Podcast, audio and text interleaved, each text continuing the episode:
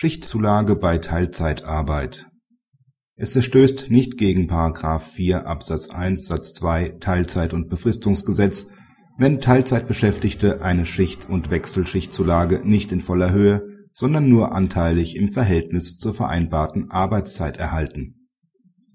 Die Arbeitnehmerin ist in einem Klinikum als Krankenschwester beschäftigt. Das Arbeitsverhältnis richtet sich nach den Bestimmungen des Tarifvertrags für den öffentlichen Dienst (TVöD).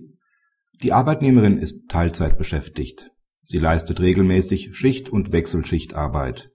Die Arbeitgeberin zahlt ihr die tarifliche Wechselschichtzulage nicht in voller Höhe, sondern aufgrund ihrer Teilzeitbeschäftigung nur anteilig.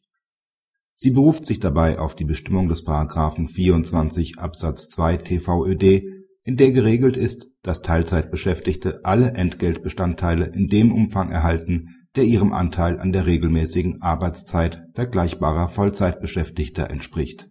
Die Arbeitnehmerin sieht sich dadurch wegen ihrer Teilzeitbeschäftigung benachteiligt. Nach Auffassung des BAG steht der Arbeitnehmerin kein Anspruch auf Zahlung einer Wechselschichtzulage in voller Höhe zu.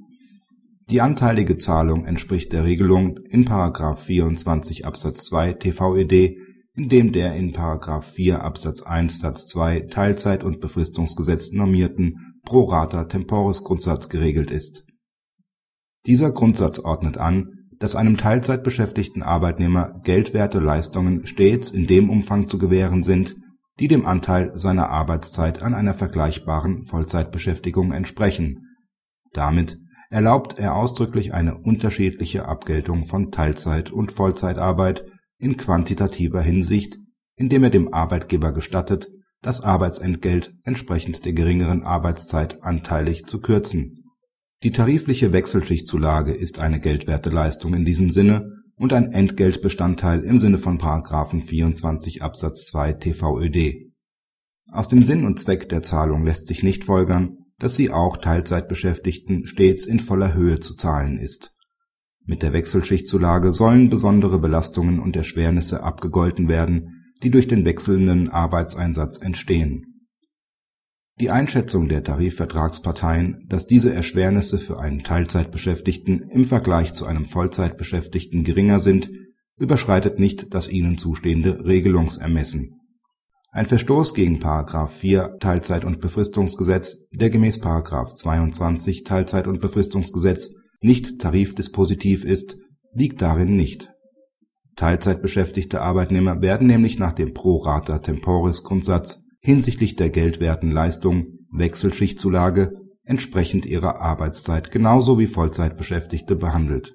Das schließt eine Diskriminierung von vornherein aus. Etwas anderes könnte allenfalls dann gelten wenn die Zahlung der Zulage an die Ableistung einer bestimmten Mindestzahl von Nachtschichtstunden innerhalb eines bestimmten Zeitraums anknüpfen würde. In diesem Fall müsste jedem Beschäftigten, ganz gleich ob Teilzeit oder Vollzeit beschäftigt, die volle Zulage zustehen, sobald die festgelegte Belastungsschwelle überschritten ist. Praxishinweis Die Entscheidung erweckt vordergründig den Eindruck, dass ein Arbeitgeber immer dann auf der sicheren Seite ist wenn er Teilzeitbeschäftigten geldwerte Zusatzleistungen anteilig im Verhältnis zu der geleisteten Arbeit zahlt. Der Hinweis des BAG am Ende seiner Entscheidung macht allerdings deutlich, dass die an sich vom Gesetz zugelassene Kürzung einer Leistung nicht mit dem mit der Leistung verfolgten Zweck im Widerspruch stehen darf. Das gilt unabhängig davon, ob es sich um tarifliche oder um eine individualrechtliche Vereinbarung handelt